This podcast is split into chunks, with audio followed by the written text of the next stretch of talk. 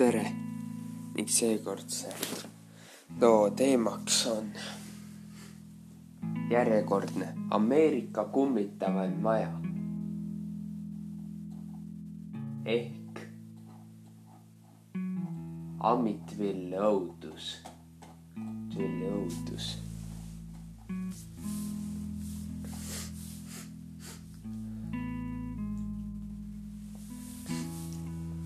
Amityville õudus, sest on kirjutatud raamat, mis on püsinud ka Ameerika edetabelte tipus. üks romaan J. Ansoni poolt. raamatu pealkirjaks on Amityville õudus. ja sellega sai see lugu ka kuulsaks, selle raamatuga, kuid tegelikust, tegelikkus algas tuhat üheksasada seitsekümmend seitse lähme tagasi. ja tolle raamatu kirjutaja, kirjanikul polnud üldse mingit tegemist selle majaga. ta lihtsalt ei, pidi tegema romaani, mis põhineks tõsielulistel sündmustel ja mis oleks, mis toimus mõned aastad varem. Lähme tagasi aastasse tuhat üheksasada seitsekümmend neli, kolmteist november. Defoe perekonna kuus liiget tapeti.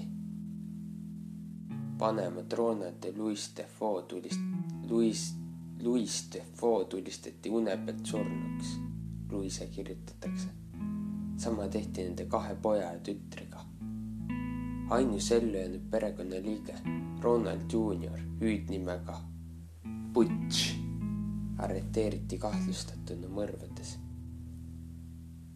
ta saadeti kohtu alla ja sealt edasi mõisteti ta vanglasse. nii. kuid kõige veidram selle, nende mõrvade juures oli see, kõik surnukehad lebasid, lebasid, lammasid kõhuli voodis. nagu miski oleks neid tundistamise ajal seal kinni hoidnud. tund-, seal oli nagu, et nagu mitte ükski pereliige ei oleks tulistamise peale üles ärganud. kuigi kasutatud relv oli võimeline tegema sellist häält, mida oleks tulistamise hetkel olnud kuulda terve, miili raadiuses. kuna perekond oli surnud, siis pandi maja müüki. mõrvade toimepanemise viis ajas muidu vaikne Long Islandi naabruskonna ärevile järgmisel aastal kolis majja Lutside perekond. George ja Käti Luts ja nende kolm last väitsid, et varsti peale sissekolimist muutus nende kuue magamistoaga unistuste loss põrgumajaks. paistis, et teemonid sundisid Butši oma perekonda tapma ei olnud mitte tema peas, vaid hoopis selles majas. nähtamatud jõud lõid uksetinged ja paugutasid kapi uksi. tundmatu roheline lõka tilkus lagedast alla. hiiglaslik parv sitikaid ründas kogu perekonda. ja erepuraneste silmadega teemantlik nägu vahtis akendist sisse, jättes hommikusele mõne lumele sõrakujulised jalajäljed lukustatud aknad ja uksed avanesid pidevalt iseenesest. George Luts ärkas igal ööl kell kolm viisteist. täpselt sel kellaajal, kui Defeo mõrvad toimusid. linn, Defeo perekond oli see, kes see kummitab, siis majja kutsuti ka preester, kes õnnistas, kes maja kätel tekkis valusad pillid sosistas talle, käi välja oi-oi-oi. peale kahekümne kaheksandat päeva põgenes pere, perekond majast sinna mitte kunagi naastes. jätsid kõik oma asjad maha, majja ja ei läinudki neile enam järgi. ta avalikustas loo, andes kõigil teada, millist õudust nendega seal majas toimusid Amityville õudus, Defeo perekond.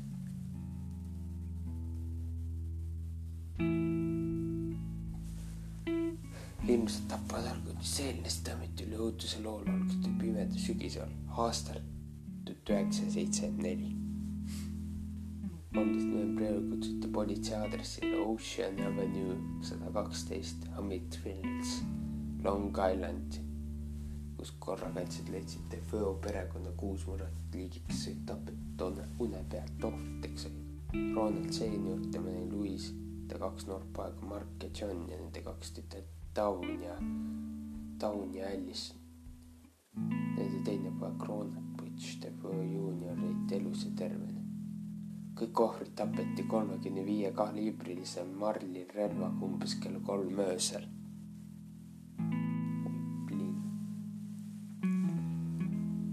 kohalik rahvas on mures murtud ja väga hirmunud. Defeod olid ühiskonnas tuntud ja väga austatud perekondade lapsed käisid koos teiste lastega Amityville'i kohalikus koolis kohalik rahvas saatis õuduse, kuidas politsei viis ära Ronald Defeo juuniori kahtlustatuna mõrvades. saadeti, nagu ma ennem ütlesin, ta saadeti kohtu alla ja mõisteti süüdi kõigis kuues mõrvas. kuid pere, Defeo perekonna ajalugu. nüüd üheksasaja kuuekümne viienda aasta juunis soetas Ronald Defeo seenior kolmekorruselise unistuste maja aadressil sada kaksteist Ocean Avenue, Amitville. maja lõi paadikuur otse Amitvilli jõe kaldal ja palju tubasid tema naise nelja lapse tarvis. see oli Ameerika unistus, ilus maja, õnnelik perekond ja majast ei puudunud jõukus. Defeop pandi isegi maja ette püsti sildi, millel oli kirjas kõrged unistused sümboliseeriks majas lausa õnne ja ilusat tulevikuplaani, aga ei olnud midagi õnnelikku tulevikku. selle edu ja õnne taga oli Ronald Senior väga kibestunud ja vihane mees, olles väga aldis vigapurseteks ja vägivallaks. tema ja Louis kaklesid tihtipeale ja Ronald oli oma lastele lausa ohuteguriks. Vanima lapse kannatas Butch kõige enam isa vihapursete temperamendi all ta oli ülekaaluline, mossi silmaga poiss, keda koolis pidevalt kiusati. Ronald ärgitas poissi pidevalt enda ees seisma, kuid seda mitte kodus. mees ei kannatanud sõnakuulmatust või vasturääkimist. kui Butch vanemaks suuremaks sai, siis kannatanud isa poolelt tähistas tema välja.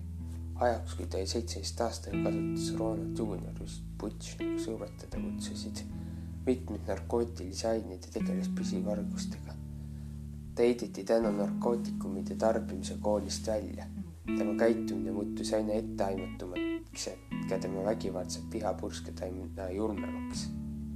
tema temperament ei kasvanud sama tuliseks kui tema isal ning kui neil omavahel vaidluseks läks, tipnes see lõpuks lausa rusikavõitlusega.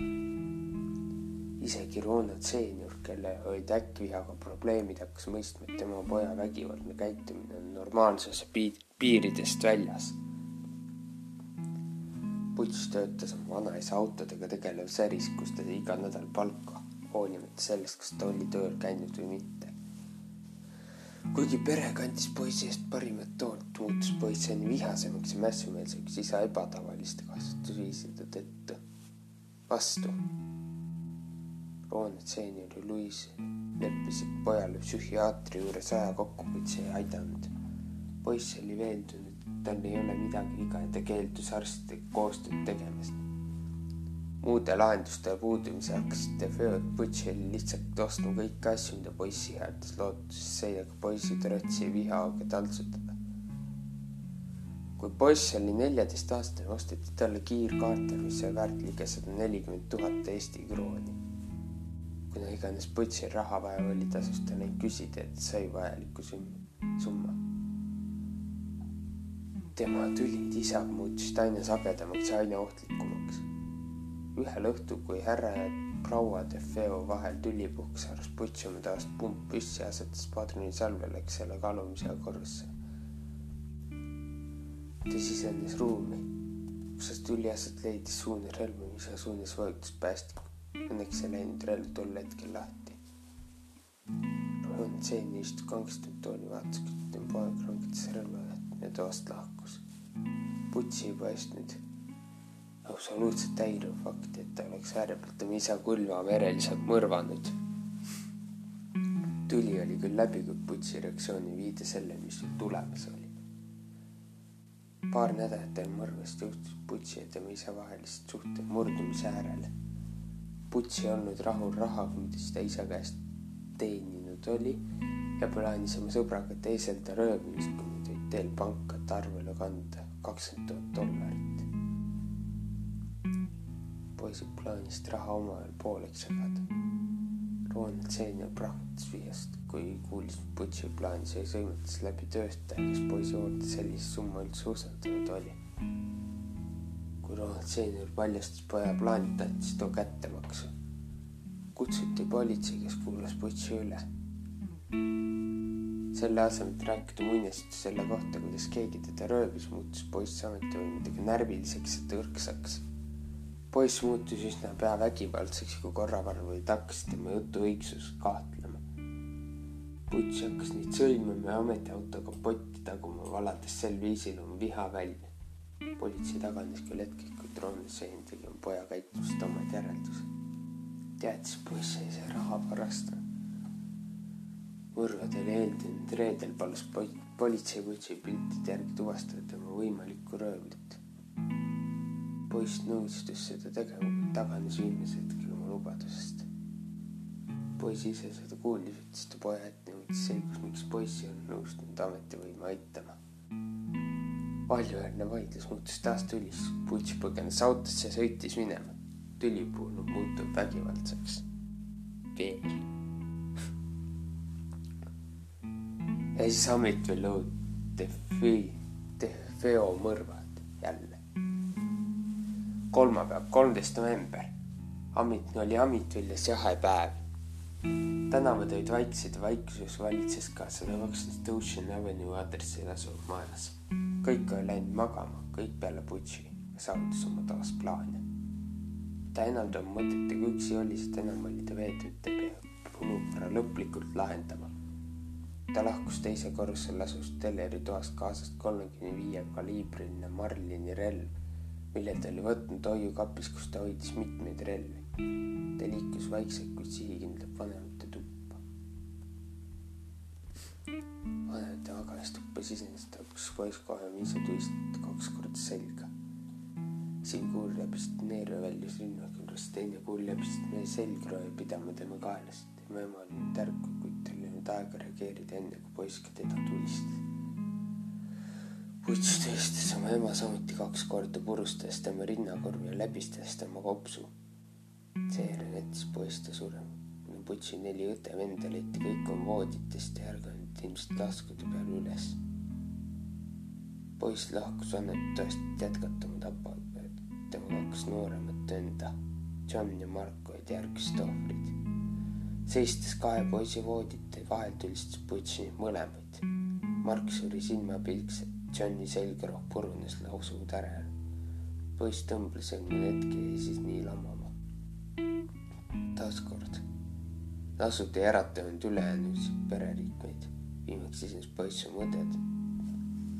Tauni ja Allisoni magamistuppa. Allison ärkas seepeale üles just siis, kui buss jõudis relva tüdruku näo päästiku paigutas. tüdruk suri silmapilkselt Butch heitis relvaga samuti Tauni pähe, tulistas tükkis tema vasaku näo poole. politseiraporti kohaselt leiti kõik ohvrid ammumas kõhuli pea käte alla toetamas. tere, nii? kell on kolm öösel. Vähem kui viieteistkümne minuti jooksul Ron Butch tegi öö juunit tõmmanud külmaveres kõik on oma kõik pereliikmed. poiss käis rahulikult duši all ajas habet ja riietas end tööriietesse. seejärel võttis ta relva ja verised riided pässis need padjapüüri sisse. siis lahkus ta majast oma autoga, sõitis Brooklyni, viskas padjapüüri sisu kanalisatsiooni kaevu ning sõitis tagasi Long Islandile. Seejärel läks ta oma vanaisa autotöökotta tööle nagu tavaliselt. Amitville õudus, Butch DeFeo kohtutee Butch üritas alguses kõigest süüdistada maffia palgamõrvat, kes on tema perekonna peale vimma.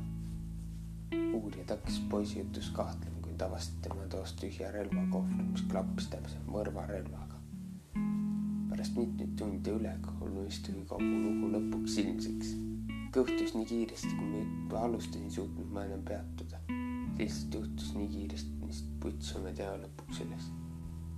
kohtlemist käigus küsiti poiselt tea põhjustest ma olin veendunud, et kui ma perekonda ei tapa, tapavad nemad minu ja ma olen veendunud, et see oli enesekaitse või kahetseme tegu. kui ma relva, relva hoidsin kahekümne meetriski, kes ma olin, ma olin jumal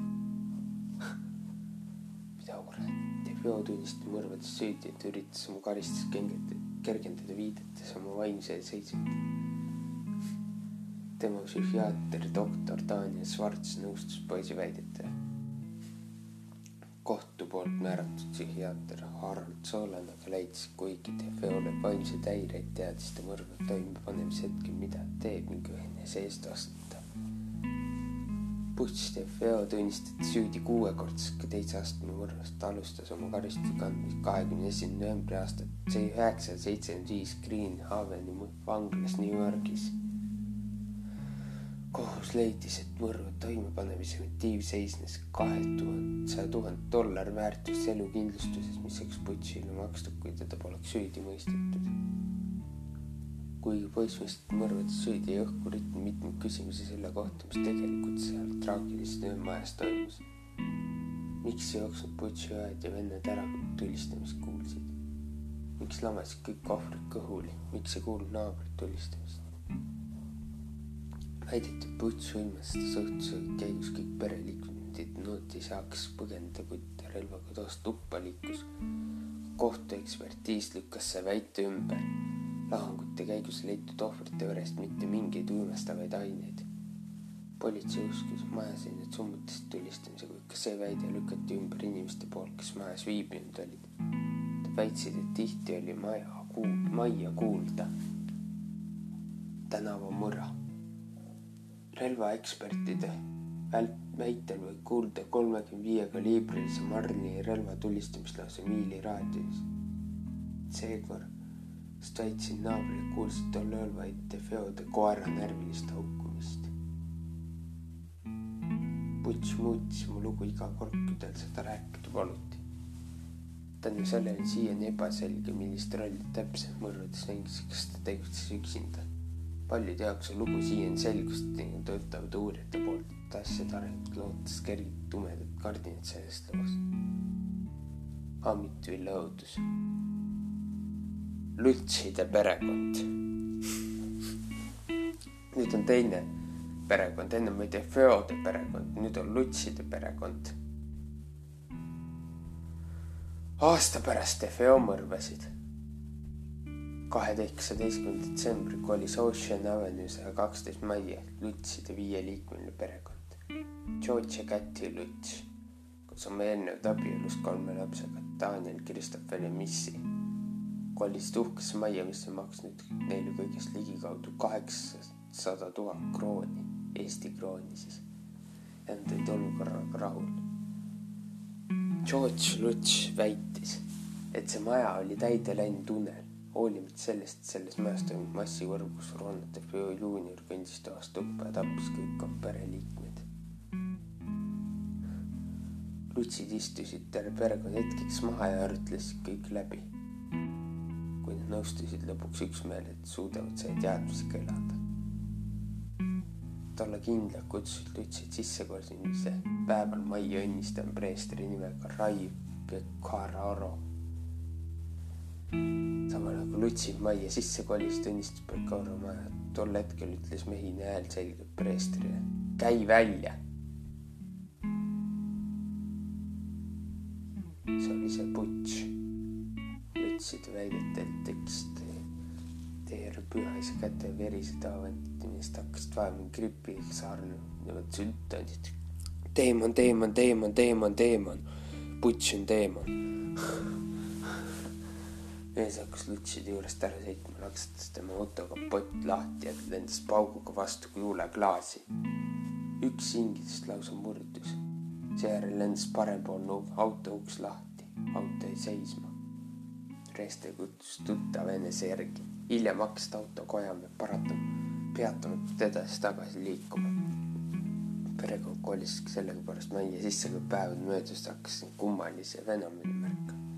telesin majas täpselt kakskümmend kaheksa päeva, kuni ühel ööl nad põgenesid, väitis, majas kummitab. Nad ei läinud kunagi oma asjadele järgi, pole maja külastanud tänase päevani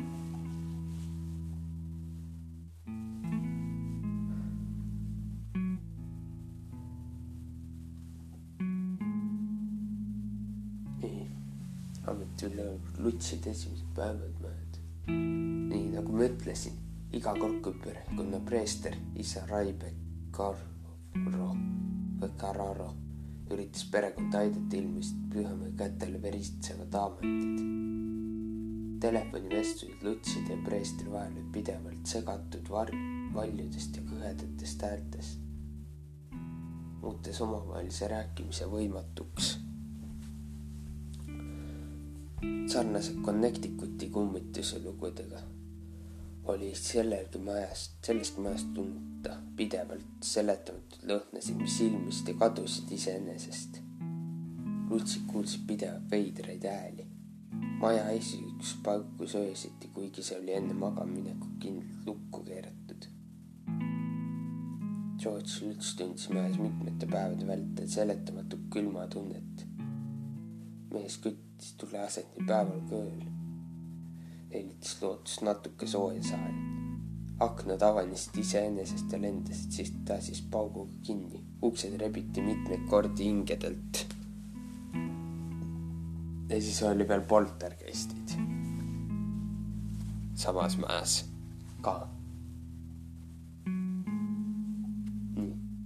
George Lüts väitis, et ärkas iga öö müstiliselt kell kolm viisteist. ema enam-vähem samal ajal, kui toimunud feode mõrvad. ühel ööl kuulis ta, kuidas lastevoodid korruse võrra kõrgemal rappusid.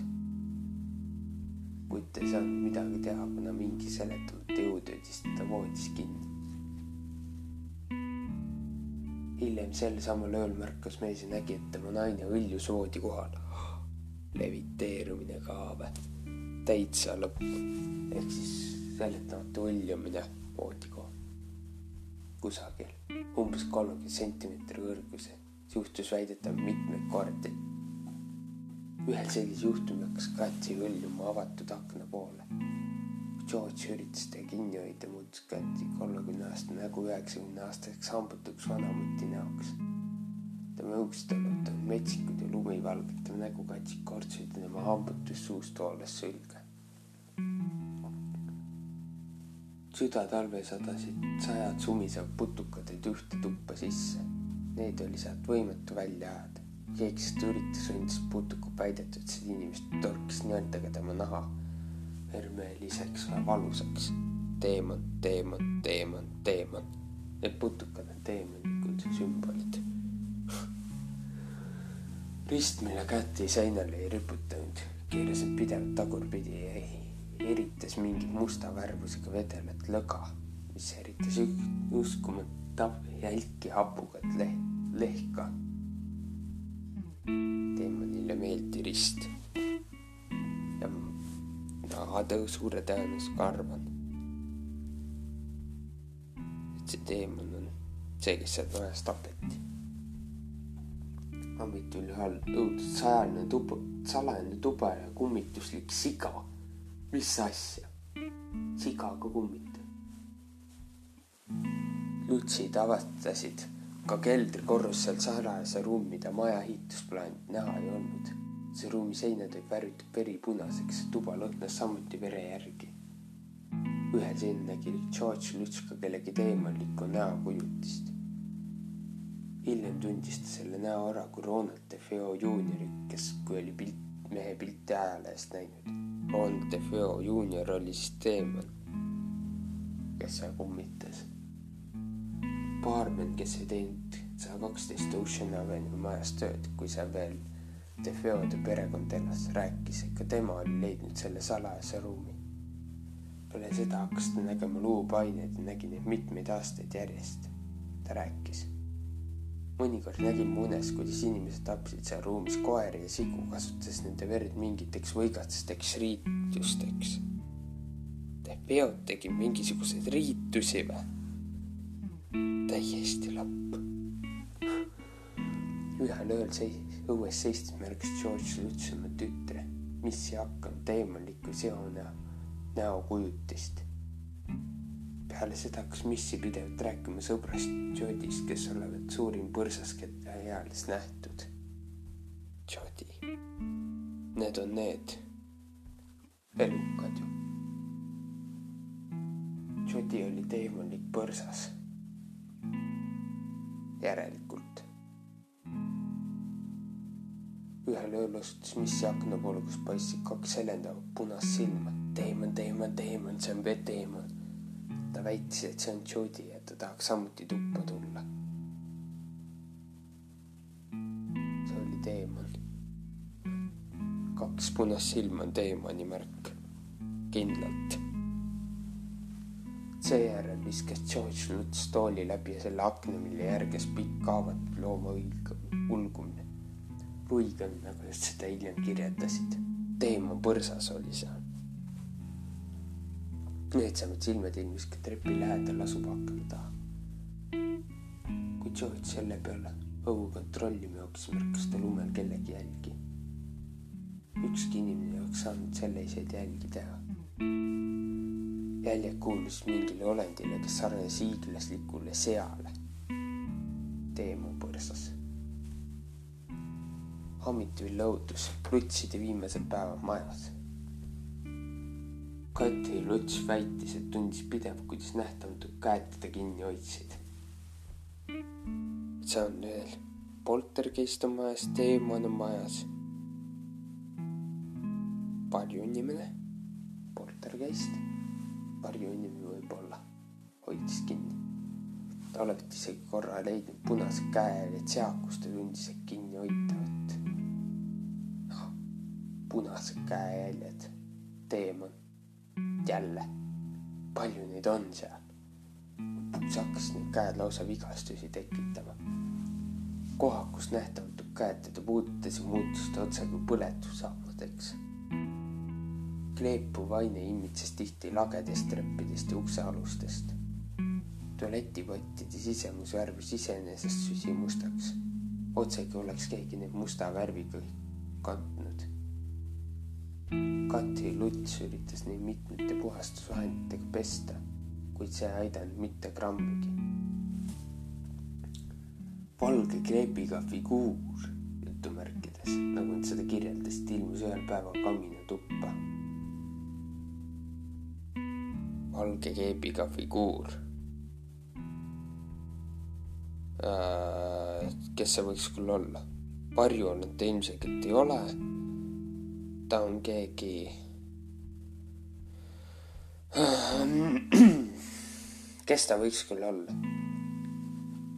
seejärel keegi miski tulistas seda ja selle figüüri kujutis ja kaminatoa seinal püsima. see on siiani seal. oot-oot, see on mingi vaim, mingi selline asi. mingi vaim või hing, midagi sellist. Hea olend. kakskümmend kaheksa päeva hiljem põgenes Lütside perekond sellest mäest, jättes kappidesse oma riided ja külmikusse oma toidu. perekond arvas, et kui nad ei oleks põgenenud, oleks juhtunud midagi väga halba suure tõenäosusega jah. valge keebiga figuur. mis asi see võiks olla?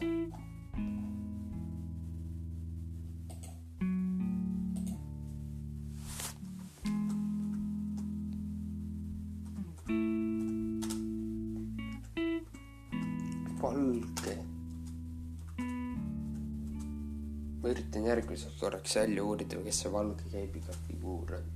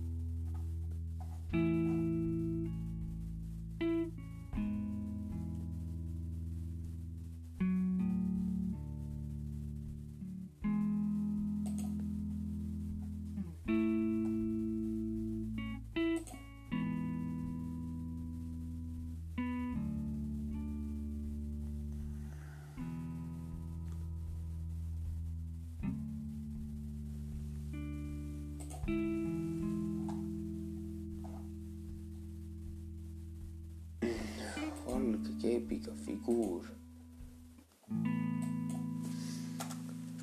ei tea, mis asi see võiks olla.